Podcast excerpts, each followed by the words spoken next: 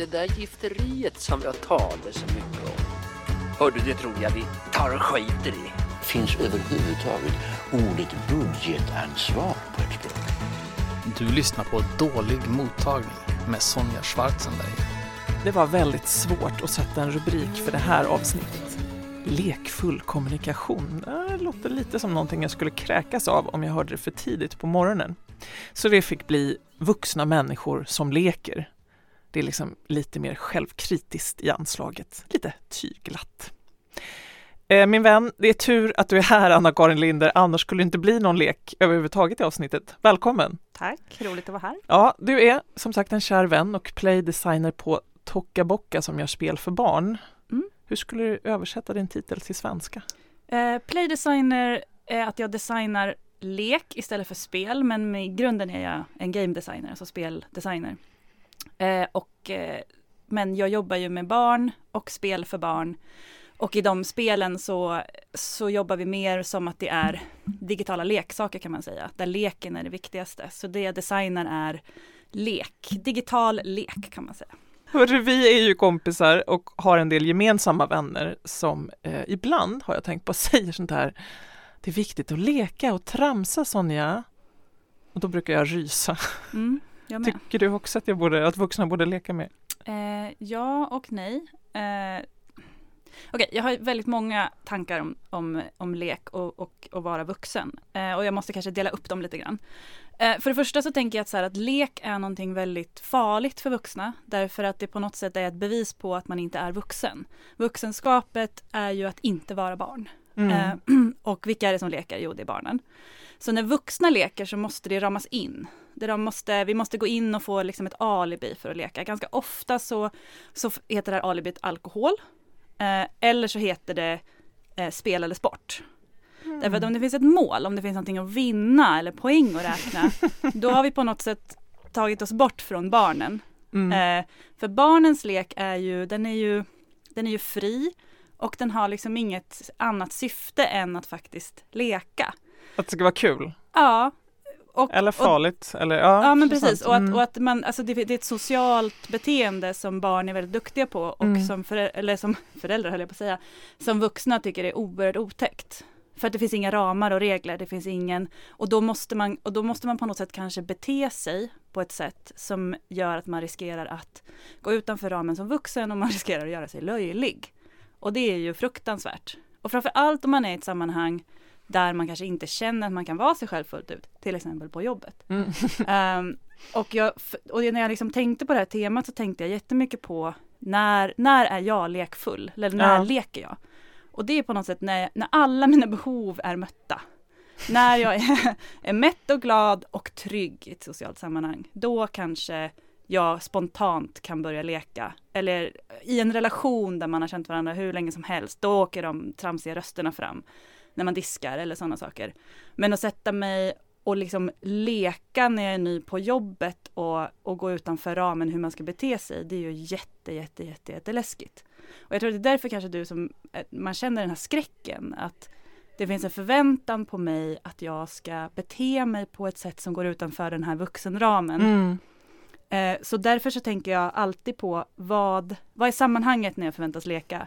Jag kan vara jätte, jätte, jätte, jätte skeptisk och verkligen känna en smärta i bröstet om någon säger att nu ska vi leka. För jag vet inte vad, vad innebär det? Nej. Så det är liksom min första fråga, så här, vad innebär det här kravet på att jag ska leka? Och nästa är så här, är det ett krav på att jag ska leka? Mm. Då blir det ju inte lekfullt, då blir det ju inte kul. Så leken måste komma spontant från en trygg plats och vara frivillig, Ja. tänker jag. Ja, jag- nu börjar jag fundera på mitt motstånd. Det första jag kommer att tänka på är de här jävla ringdanserna som svenskar gillar i samband med jul. jag tror att jag var i, i någon prästgård när jag var liten och så skulle man alltid dansa den där sista låten. Nu är det jul igen, nu är det jul igen, Mm. julen var en till påsk och jag sprang alltid och gömde mig under den Mm. och prästens lilla kråka. Det var på något vis för våldsamt för den här eh, gamla lilla själen som jag. Och så funderade jag, tog jag det vidare? Det här kan ju komma som en chock för mina mer seriösa kompisar som tycker att jag är lite av en lekfarbror och eh, som, ja men herregud, mitt, eh, mitt Twitter och eh, Instagramkonto heter Live Sonja och det är Mhm. inte som i att jag sänder live utan som i att jag tyckte det var jättekul om jag bara skulle skriva om orcher. På den tiden jag tänkte att Twitter blir inget, blir inget stort. Ehm, men bland lajvare kan jag alltid känna mig lite som den stela fröken i rummet som liksom inte vill tappa ansiktet. Men, men är det för att du känner en förväntan på dig att du ska vara så här spontan och härlig och, och vara med och leka? För, det är då, för då tänker jag att du redan på något sätt Mm. själv har tagit bort förutsättningarna för att känna, vara i ett lekfullt tillstånd. Att, för du känner ett krav och en förväntan och då är det jävligt svårt att vara spontan för då måste man på något sätt beräkna så här också hur mycket, för, för, jag, kan, för jag kan också vara rädd men också för att gå för långt åt andra hållet. Att jag Mm. så här, folk så här har ett roligt skämt going on och så kommer jag in och så bara tar jag det för långt och bara vänta ett ögonblick och sen kommer jag tillbaka så här fullt utstyrd i någon jävla bunny suit och folk bara Va? va? Nej, det är underbart när du gör så. Ja, men, Sluta aldrig med det, Anna-Karin. jo, men alltså det- jag måste ju välja mina tillfällen. Det blir, det blir helt o, alltså för att leken på något sätt ligger också, Ja. som vuxen så ligger ju leken och, och skaver lite på gränsen till galenskapen. Mm. Och man vill inte vara den som slår över. Jag tror att jag har tänkt mycket på det, att det är därför det är så läskigt när det inte finns några ramar. För att risken är att man går över i någon slags crazy land. Eh, och barn behöver inte tänka så. De, alltså vi vuxna har så, Mm. har liksom, det är så viktigt för oss att sammanhanget är rätt så att man inte blir liksom den galna personen på tunnelbanan som folk inte vill sitta nära. Mm. Liksom. Eh, men när lek är som roligast, då är man, då är man på något sätt där. Alltså, eh, Men jag tänkte på att du är en sån person som kan utlösa, jag satt och tänkte, men visst fan leker jag ibland. Så jag tror att min elaka sida är, är förmodligen min mest lekfulla sida. eh, när jag, eh, ja ibland är jag kul och ibland är jag förmodligen bara lite elak. Ehm, tycker du jag är en lekfull person, Anna-Karin? Ja men det tycker jag. Och, och det där tycker jag är intressant att du inte, om du inte verkar se dig som en. Och, och det tänkte jag också på, liksom vad det kan bero på. Och då undrar jag om det är så att du och jag ofta befinner oss i sammanhang där vi faktiskt känner oss trygga nog att vara lekfulla. Mm. Att det finns liksom en, ett större ram för den sortens beteenden när du och jag umgås. Och att det kanske skulle vara annorlunda om du och jag alltid sågs i en jobbkontext. Ja, Då- säg, för det kan du fråga mina kollegor om. Mm. Jag, jag gör dem till min privata lilla Ja, sfär. men jag står liksom inte ut att, att det ska vara... Men okej, om vi hade setts på ett ställe där man inte blir vänner på jobbet kanske? Ja, precis. Mm. Och, och jag tänker ofta också på jobbet att om, om man, man kan liksom titta på sitt arbetsplats och om det leks på arbetsplatsen, då är det nog ganska bra stämning. Då trivs nog folk ganska bra för att det är också en lek kan vara så himla subversivt och det händer ofta under ytan. Det är liksom en tramsig lapp på någon skrivbord eller det är ett internskämt i Slack-kanalen som, som går runt och sådana saker. Men Mm. men på en arbetsplats där sånt inte händer, då tycker jag man som HR eller som chef ska fundera över sin kultur. För att då vågar inte folk göra sådana saker som är lite utanför ramen. Liksom. Jag menar du och jag, vi har ändå sökt oss till sammanhang där vi får alibi och leka ibland. Men för människor som inte håller på med till exempel speldesign live eller annan vuxenlek, vilken nytta kan de ha av en mer lekfull inställning till andra människor? Oh, eh, bra fråga. Jag tänker också... Hmm.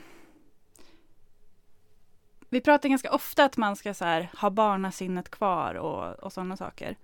Ehm, Det är bara för folk som typ gillar att rågarva när de har sex. Det är bara den, de människorna som säger det.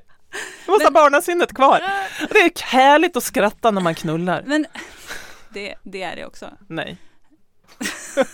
Förlåt, Men- fortsätt, fortsätt försök men okej, prata men det, det, som jag, tänkte- det som jag tänkte säga är väl att så här, eh, jag, tror, jag tror ju att vi, så, att det är en social grej, alltså en, någon slags flockgrej att leka. Eh, om man ska liksom dra den här gamla på stenåldern så, eh, vilket alltid, man alltid kan dra i näsan. Liksom. Men, men jag tror, precis som jag säger, att så här, när alla ens behov är mötta, då, då kommer leken fram.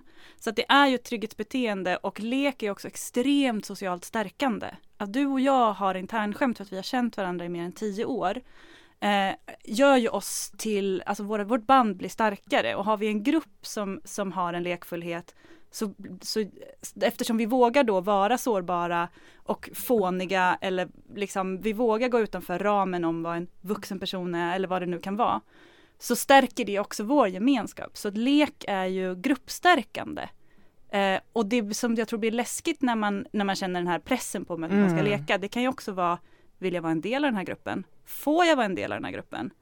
Ehm, eller vill jag ens skapa den här känslan av gemenskap? För, för när man skrattar ihop, när man leker ihop, så är det ju oftast det som blir eh, liksom resultatet. Men om vi ska leka och det faller platt, för det har ju också hänt när man typ ska göra teambuildings och allt blir Ja. jättedåligt.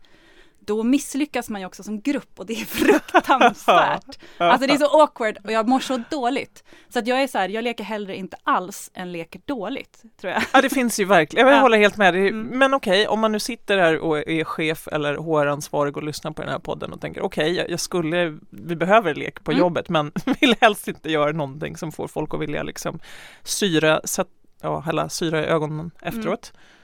För det är verkligen fruktansvärt när det blir dåligt. Hur, hur kan man designa lek som funkar, som får rätt effekt? Ja, det har jag faktiskt gjort ganska mycket på mitt jobb. Eh, för att eh, vi måste leka på jobbet eftersom vi, vi får liksom inte tappa det lekfulla eftersom vi gör då spel för barn. Så då måste vi också hitta den här lekfullheten. Nu lät det som att det var en extrem press, men jag, jag upplever faktiskt att, att, eh, att min, min arbetsplats är ganska duktig på att hitta eh, lekfullhet. Och jag har funderat ganska mycket på så här, vilka komponenter det är man ska tänka på. Och det första är att det måste vara opt-out. Det måste vara jätteviktigt att är du en person som verkligen inte vill leka, då måste du kunna liksom gå undan utan att det blir så här världens grej. Eh, men du måste också designa det du ska göra så att inte alla vill opta ut. Då har Ja. du designat uppgiften fel. Så opt-out är jätteviktigt. Och också så här, det är jättedåligt att många tittar på när få saker gör grejer. Mm. Så liksom, du ska inte ta upp folk och liksom, På en scen. på en scen, utan du ska göra saker som alla, så att man kan gömma sig i, det blir någon Flocken. slags flocklek. Mm. eh, för, då, för då blir man inte heller lika utsatt och då blir det inte lika jobbigt att till exempel då om vi, om vi tänker på lek som ett, ett icke-normativt, ett icke-vuxet beteende som måste komma ur en känsla av frivillighet och spontanitet. Mm. Men om du är ensam om att bete dig det, då är du ju galningen. Narren i rummet. Ja, då är du Ja. narren i rummet. Ingen vill vara narren i rummet. Eh, inte ens jag. Jag kan vara narren i rummet om jag får betalt för det. ja, men Pay det, me! Så sätter jag på mig. ja men precis, det, det är lite så här, det är lite så här eh, Så gycklar när jag, var, precis. när jag var liten så gick vi på så här lördagsgympa Mm. och sen så noterade jag att han eller hon som, som ledde gympan alltid svettades mycket mer än alla andra och så frågade jag min mamma så här, varför då? Och då sa hon så här, ja men eftersom den här personen ska visa vad alla andra ska göra så tar den i lite mer. Mm. Och så är ju jag när jag då ska le, alltså jag är teaterpedagog i grunden så jag har lett tusentals liksom, timmar av både barn och vuxna i tvi- påtvingad lek. eh, eh, och då måste jag ju också vara den som, som erbjuder det här alibit. Ja. Och det, det ska liksom inte vara så att titta på mig när jag är rolig och spela på läppen utan jag måste på något sätt skapa en stämning av i det här rummet när vi går in i den här cirkeln. Då är det okej att släppa lite på slipsen. Eh, och vi släpper på slipsen genom att alla släpper på slipsen samtidigt. Eh, det är liksom det man menar när man pratar om icebreakers. Men oftast, alltså jag har ju varit också på, när jag var deltagare på väldigt, väldigt, väldigt, väldigt dåliga eh, teambuilding och där man bara vill dö. Men det som ofta händer då, och det kan man ju också observera, det är att det, går, det blir någon slags subversiv under Mm. ytan-lek bland Precis. deltagarna. För de På ledarens bekostnad. de måste hantera att det är så jävla obekvämt nu, så då börjar man skämta och, och greja och leka fast under ytan för Ja. att klara av situationen. Ja. Så det man, så det man, när man ska leka på jobbet så måste man, man måste förstå att så här, folk är här i sin jobbpersona. Mm. De har klätt upp sig i sina bästa vuxenkläder och sitt bästa vuxenbeteende. Och så kommer du och säger så här, nu ska ni inte bete er som vuxna längre. Och man bara, helvete! jag är avslöjad. Eh, och, och så då kan, man, då kan man till exempel, ja men det är ofta därför man eh, dricker alkohol på jobbfest, för då gör man också ett alibi. Mm. Måste du inte bete dig som ditt vuxnaste, vuxna eh, professionella jag. Eller så ge sig in i så här femkamp på Gröna Lund. Ja. För det, då har vi gått in i alibit tävling. ja, snabbast Eh, vinner. Ja, och ibland så oftast kombo. För det är där vi vuxna ofta känner oss lite tryggare med lekandet. Ja. Där finns det lite utrymme för tramsiga grejer. Eh, Men alltså rent praktiskt, vad kan man hitta på för lekfulla moment? Det enda jag kommer få upp nu, det är så här bikuperfrågor, det är jag jättebra på att ställa, diskutera det här i basgrupp. Ja, alltså jag tänker att, att man måste designa saker, dels utifrån så den situation man är i. Eh, en av de grejerna som jag tycker blev absolut bäst med mitt jobb och som jag också fått eh, mest bra feedback för var när vi var på, förra året så var vi på jobbresa. Och då hade vi en hel strand för oss själva. Det här var liksom sent i, eller det här var i, i, i september så det var liksom inga andra folk där. Men det var en jättefin eh, liksom sista sommargrejen. Och då, då så fick jag mitt jobb att bygga en bar på stranden. Mm. Eh, så vi tog ut så här jättemycket öl och sen spadar och hinkar och sen eh, massor med så vimplar och grejer. Så, att man liksom, så byggde vi tillsammans en bar. Och de som gick igång på det här och tyckte det var kul, de kunde stå och gräva och härja och designa den här baren. De som tyckte att det här var lite för läskigt eller tråkigt eller whatever, de kunde sitta och chilla i solen med en öl och titta på medan deras kollegor byggde den här baren. Eh, och den här baren blev jättefin eh, och det var jättekul. Och sen så efter en timme så, så var den klar och sen hade vi bar i en timme och sen så stängde vi ner allting. Mm. Och den här liksom mm, och det som jag tror blev så bra med den här uppgiften var just att man kunde välja hur mycket man skulle delta. Men det fanns liksom en, ett väldigt tydligt alibi att vara lekfull för att det är inte så många vuxna kanske som inte har barn själva som har suttit med sand och spade och hink eh, på, på, en, på en strand liksom, och Mm. faktiskt byggt någonting på väldigt länge. Så, så stranden var ett väldigt bra ställe att hitta den här känslan av opt-in och generell frivillig lekfullhet. Så Mm. det är liksom lite där jag tänker, Men om man nu bara har ett vidrigt konferensrum, man, Ja. har ett, man har fyra väggar, man har kanske lite stolar, eh, man har lyssnat på ett par föreläsningar, klockan är halv fyra och man har otacksamma uppgiften att så här, nu ska vi skapa lite gemenskap. ja, det är ju inte ett jättebra, det är inte en jättebra förutsättning. Eh, och där tror jag att man ska börja väldigt, väldigt, väldigt mjukt. Eh, och du sätter mig lite on the spot här. Ja, mig, jag kan återkomma. Om vi, jag kan, jag kan, om, vi så här, om vi har lite kommentarspår på den här podden så kan jag återkomma med så här, jag tycker du ska göra så här. Men, men det, är, ett- det är ju en väldigt delikat designuppgift att faktiskt designa en, en bra grej för en sån grej. Och jag skulle nog i en sån här, Mm. jag skulle nog inte tänka lek som i en aktivitet. Jag skulle till exempel, eh, nu har vi suttit och lyssnat på den här jättelänge. I slutet kommer det in stora skålar med glass. Alltså typ så här, ni vet så här glasspinnar Mm. i, från GB eller whatever. Så att det liksom, det kommer ett lekfullt element som inte hör till det Mm. vi just har gjort. Eh, där man får så här med sina kollegor, istället för att dricka den fina lilla kaffen så får man faktiskt äta en bananasplitt, eller vad heter det, päronsplitt eller liksom en, eh, en glass. Eh, Så det du gjorde nu det var att tänka liksom vad bryter av? Ja. Vad är någonting annat? Är, är det liksom, kan Precis. det vara ett hur man börjar med en design? ja, utan att, att någon känner sig utsatt. Därför att här kan du också opta ut. Men jag äter inte glass. Ja, men du måste inte. Mm. Men, men själva känslan av att sitta i det här konferensrummet och äta en glass, det ska man inte göra i ett konferensrum. Där ska man vara vuxen. Då kommer det på något sätt också, kanske förhoppningsvis, det beror helt på stämningen på din Mm. arbetsplats. Det här kan falla helt platt om folk är så här, herregud, jag skulle aldrig röra en glass. Men just att ta in det här elementet som bryter av mot det förväntade kan sätta igång lekgrejer. Ja, och du gör det tillräckligt mjukt. Jag tror Mm. att många i det här läget som skulle ta in fula hattar kanske, eller någonting som skulle kännas för... Eh, jag har alltid haft lite svårt att förstå kräfthattar i svensk kultur. Och de fula hattarna, jag är ändå de kommer liksom långt. född och uppvuxen här. Ja men precis, men de kommer långt senare. De kommer när, när du har skapat en sån kultur på din arbetsplats att folk vågar äta den här glassen och eh, kanske det är andra saker som pågår. Eh, och sen har, vi hade på, min, på mitt jobb så hade vi en fantastisk partaj då alla klädde sig i en färg, det var Mm. temat. Så du kunde liksom, om du kände så här, det här var tråkigt, så kunde jag faktiskt bara klä mig i svart. Ja. Men sen långt senare på kvällen, runt liksom 10, halv 11, då öppnade de ett rum där de hade hyrt jättemånga så här, kostymer från ett kostymförråd. Och då kunde man gå in. Jag missade det Då här. jävlar, åh vad Ja. hemskt Anna-Karin. Ja, jag, jag missade det här för jag satt i ett rum och var tarotspådam just den festen. Men då kunde de som ville kunde gå in och byta kläder och klä ut sig i liksom hilarious grejer. Men de som inte ville, de var fortfarande en del av temat. Mm. Och där tänker jag att när man designar lek på arbetsplatsen så måste man designa för de som absolut inte vill leka. Och man måste designa så att de ska kunna lockas in i, det kanske var kul att hämta ett par tramsiga glasögon med en mustasch. Fast Mm. jag egentligen hatar att leka. Alltså det är, det, det är där man vill. Och sen liksom ha så pass högt i tak så de som är jag Mm. inte känner sig som freaket som är ensam på dansgolvet. Ja. Så du måste liksom tänka åt båda håll där på något sätt. Och ja, Jag tror att du precis ramade in min, min galenskap och lekfullhet, det är ju dansgolv. Jag Ja. har inga problem med att vara freaket på dansgolvet. Jag kan vara ensam på ett dansgolv ganska länge. Min smärtgräns är liksom, den är hög.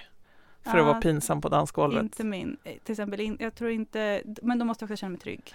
Nej, det inte jag. Jag kan starta nästan vilket dansgolv som helst. Ja, för fan, jag kommer få äta upp inom typ två veckor. Men eh, ofta. Ja, och, Vart jag glad när jag kom att tänka på det faktiskt. ja, och jag tänker att jag det är för att det är ett område där du känner dig fri och Ja. du, du har liksom kontroll över vad du tycker är kul där. Eh, och det är ingen som tvingar dig upp på det här dansgolvet. Nej, de får tvinga av mig. Exakt.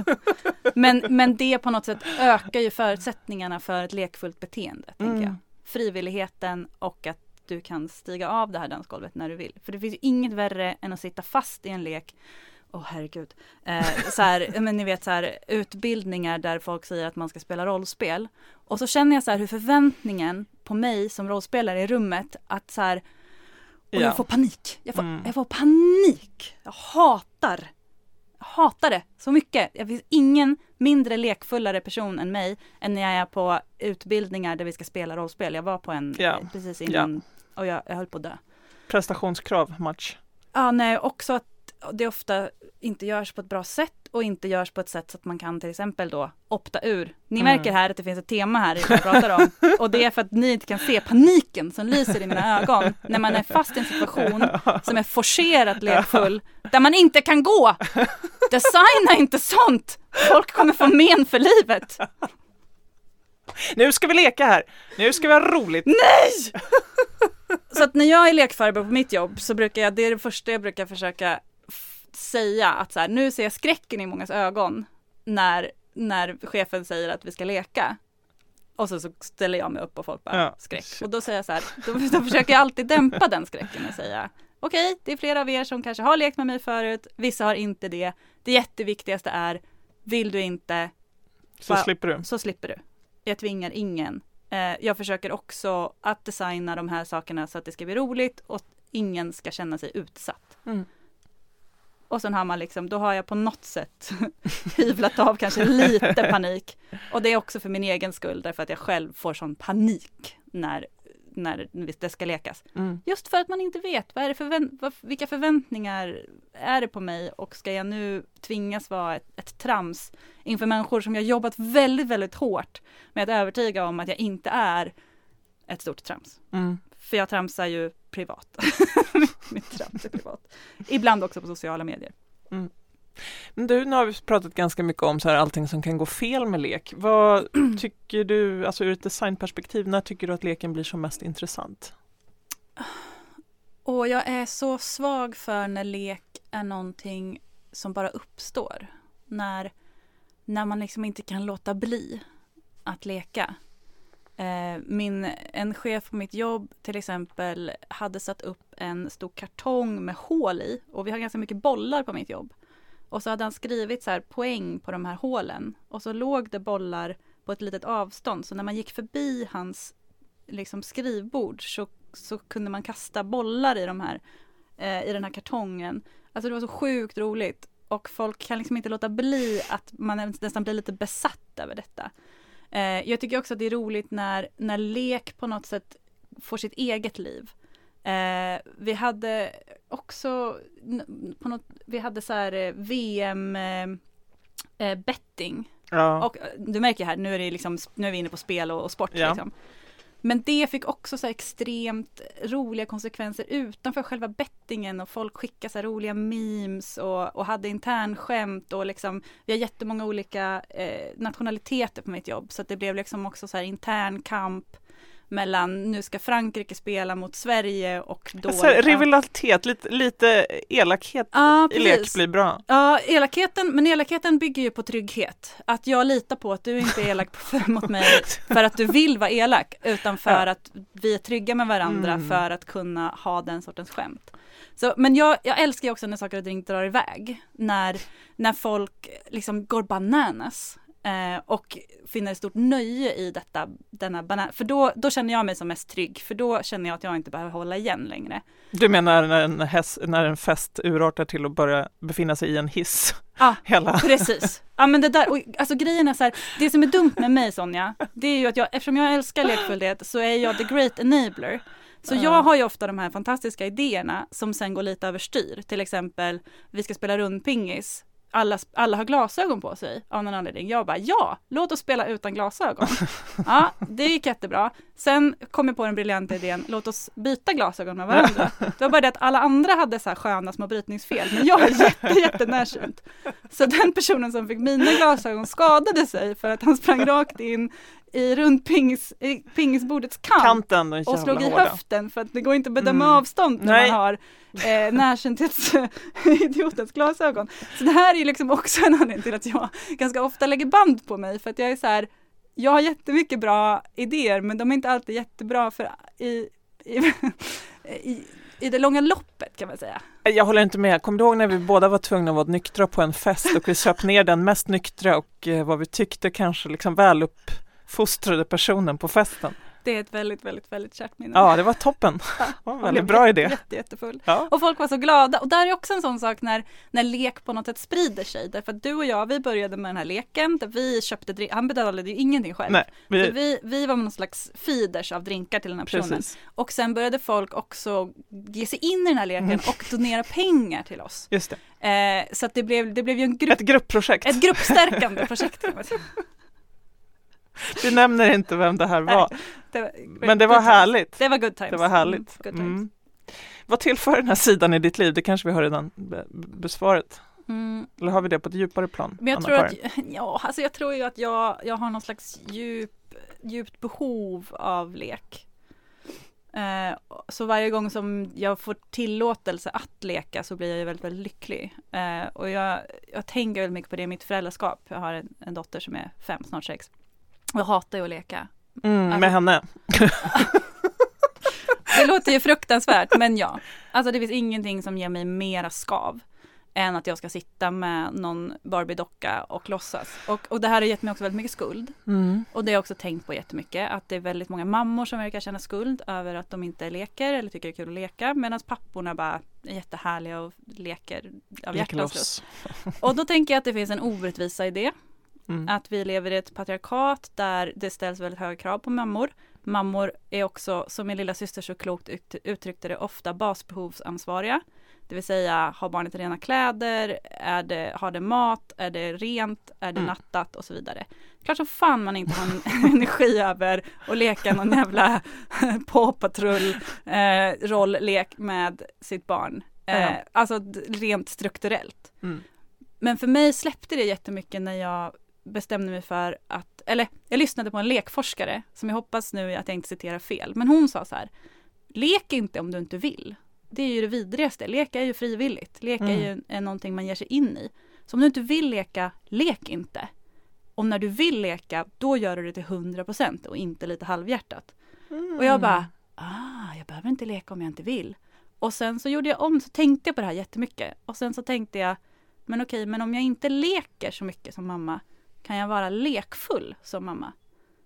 Kan, vi, kan det vara en lek att så här, istället för att bli vansinnig på att hon inte vill borsta tänderna, kan jag borsta tänderna när hon sitter på min rygg och jag hoppar upp och ner? eh, och, och självklart så orkar man inte det här varje dag, Nej. men det, har, men det har hjälpt mig jättemycket att så här, ja men jag är ensamstående förälder, varannan vecka förälder. Jag jobbar heltid. Jag är så jävla mycket en basbehovsmamma. Eh, så vad i, när de här basbehoven ska uppfyllas, vad kan vara lekfullt då? Eh, och det har liksom släppt så mycket ångest från mig Mm. faktiskt. Så där tror jag, för jag mår ju dåligt av att vara en, en sur mamma eller en Mm. sur person. Ehm, och jag tror som i alla mina längre relationer så har ju som tramsandet, eh, tönteriet eh, varit jätte, jätteviktigt. Och det är jätte, jätteviktigt i mitt föräldraskap också. eh, så det, det har gjort att jag har släppt. Jag måste inte, måste inte liksom le, alltså jag har släppt idén på vad att leka med mitt barn innebär, tror jag. Mm. Att det inte behöver betyda att röra ett litet djur Precis. med tokig röst. Precis. Den tokiga rösten kommer ändå, men den kan komma på Mm. andra ställen. Jag tror att vi har pratat om det här förut, för jag funderade också mycket på, ja, jag kan ju tycka att det inte är kanske liksom livets fest att sitta i en kall sandlåda och eh, gräva saker. Fast där tycker jag samtidigt att det är skönt att jag får sitta ner, så då koncentrerar jag mest på så hur skönt det är att få sitta istället för att så här, eh, springa med böjd rygg Mm. och skjuta på någon så här lekcykel. Men däremot bestämde jag mig, för så jag gillar ju ändå bollsporter, Mm. att så här, han, och han gillar bollar, att typ spela fotboll på allvar med honom. Ja. Ja, det kan låta ganska oschysst då eftersom jag är typ 1,83 och han är väl då knappt en meter lång och jag är snabbare. Två än, men, Precis. men, Eh, Men jag tror att jag handikappade mig själv på något sätt, att jag fick typ bara ta myrsteg eller någonting. Och det blev jävligt bra. mm. ja, men det var kul. Och, och där tror jag att du gick in i det här då som den här lekforskaren sa. Ska du leka så lek för i helvete. Ja. Då, då ska du leka till 100 procent. Eh, men, men det här halvhjärtande, halvhjärtade leken som du egentligen inte vill göra. Be, försök ta bort den. Ja. Och hitta det lekfulla i vardagen istället. Eller så här, så tänker jag Mm. jättemycket. Och när jag själv var liten, det fanns ju ingenting jag älskade mer än när de vuxna började leka. Ja, eh, och fick feeling. Ja. Och det, men det hände inte speciellt ofta. Det var, det var aldrig, man kunde aldrig tvinga dem till det, Nej. utan det, bara, det hände organiskt. Liksom.